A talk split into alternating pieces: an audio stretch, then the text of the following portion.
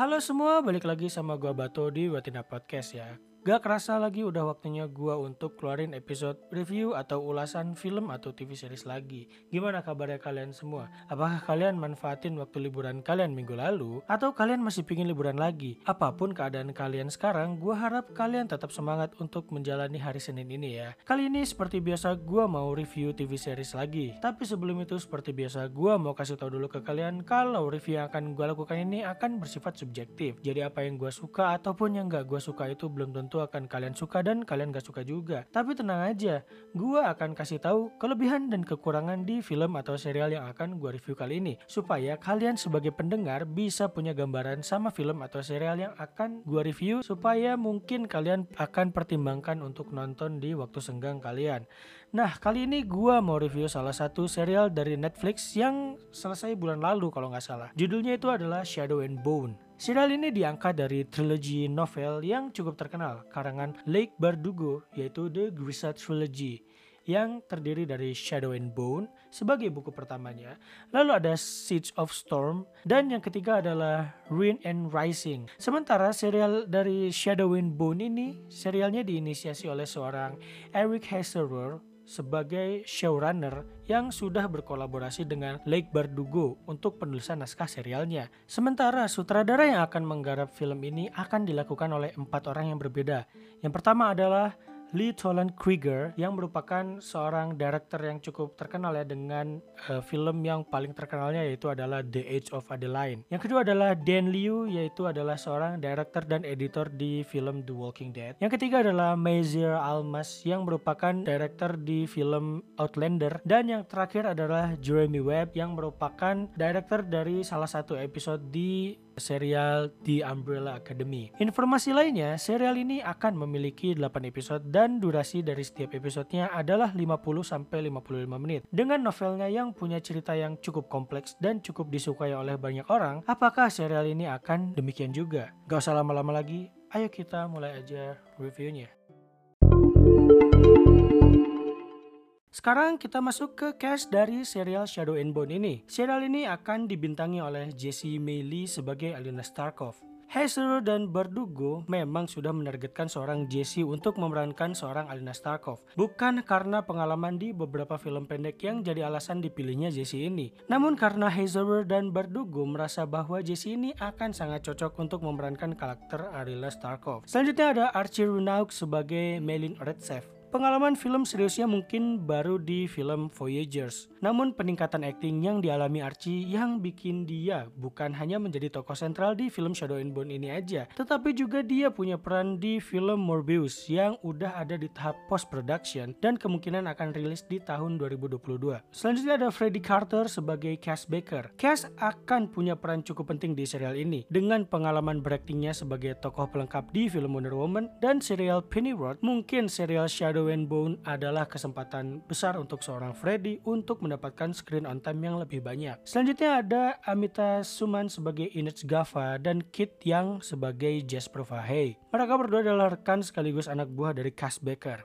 Untuk pengalaman yang dimiliki kedua aktor dan aktris tersebut, Amita memiliki pengalaman di beberapa serial seperti Doctor Who dan The Outpost, serta beberapa film pendek lainnya. Sementara Kit yang tidak memiliki banyak pengalaman di dunia perfilman. Namun aktingnya itu tidak bisa diremehkan teman-teman karena latar belakang seorang Kit yang berasal dari dunia teater musikal. Selanjutnya dan yang terakhir adalah Ben Barnes sebagai General Kerrigan. Dengan sekian banyak cast di serial ini, mungkin Ben Barnes adalah yang paling terkenal dengan pengalamannya sebagai sebagai Prince Caspian di sequel dan prequel film The Chronicles of Narnia dan perannya di serial The Punisher sebagai Billy Russo, rasanya cukup untuk tahu kualitas dari seorang Ben Barnes. Mungkin itu aja case yang gue jelasin dari banyaknya pemeran di serial ini. Ini karena karakter yang gue jelasin sebelumnya merupakan tokoh-tokoh yang punya andil cukup besar dalam cerita. Selanjutnya adalah sinopsis dari serial Shadow and Bone.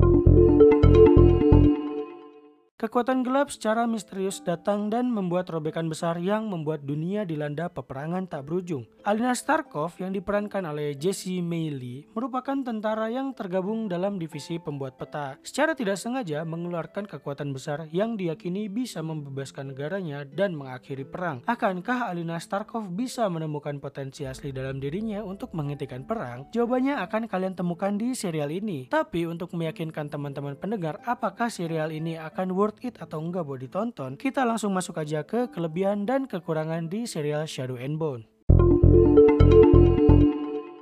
Oke, kita masuk ke sesi bahas kelebihan dan kekurangan di serial Shadow and Bone. Kita mulai dari kelebihan di serialnya ya. Pertama, dari segi teknis seperti sinematografi, visual effect, dan sound scoring. Untuk sinematografinya ini sangat baik ya teman-teman. Selain karena syutingnya yang baik, visual yang ditampilkan dengan detail menggambarkan masa kerajaan Rusia zaman dulu juga bisa terdeliver dengan baik kepada penontonnya. Visual effect yang ditampilkan juga sebenarnya bukan yang mewah sekali seperti buatan Marvel atau film lain yang punya budget besar. Hanya saja pengaplikasian visual effect efeknya yang pas dan gak berlebihan di beberapa detail aja bikin visual effect ini mudah untuk dinikmatin. Dan yang terakhir adalah sound scoring di serial ini juga gak ikonik dan mudah diingat seperti Joker atau Chernobyl atau beberapa film dengan kualitas sound scoring yang jempolan, tapi tetap aja sih bisa dinikmati dari segi background, efek-efek, dan suara-suara ketika adegan. Selanjutnya dari segi cerita, serial ini melakukan tugasnya dengan sangat baik untuk mendeliver cerita yang ada di buku novelnya. Mungkin karena penulis skripnya yaitu Eric Heserer yang memang langsung berkolaborasi dengan si pembuat novelnya yaitu Lake Bardugo yang membuat serial ini kuat dari segi cerita dan skrip. Acting dari pemeran tokohnya pun meskipun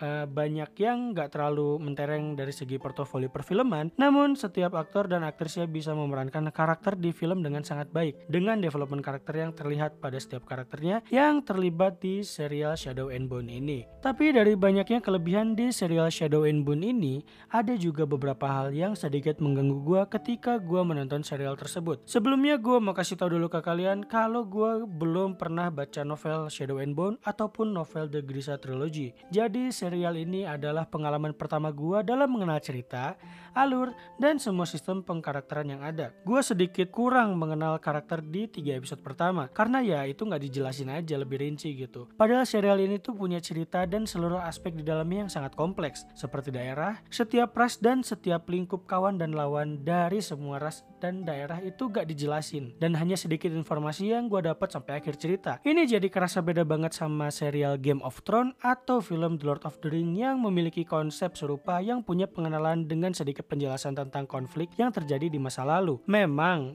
ini masih season 1 dan rasanya akan bisa dijelaskan di season selanjutnya. Tapi rasanya season 1 ini merupakan komponen penting dalam serial untuk memberikan pengenalan yang lebih baik agar season ke depannya bisa disuguhkan konflik yang lebih kompleks lagi dengan penonton yang seenggaknya udah punya cukup informasi untuk sampai konflik tersebut. Meskipun alur maju mundur yang ada di serial ini juga sedikit membantu, tetapi tetap masih banyak informasi yang kurang untuk dipahami keseluruhan konfliknya yang ada di dalam serial ini.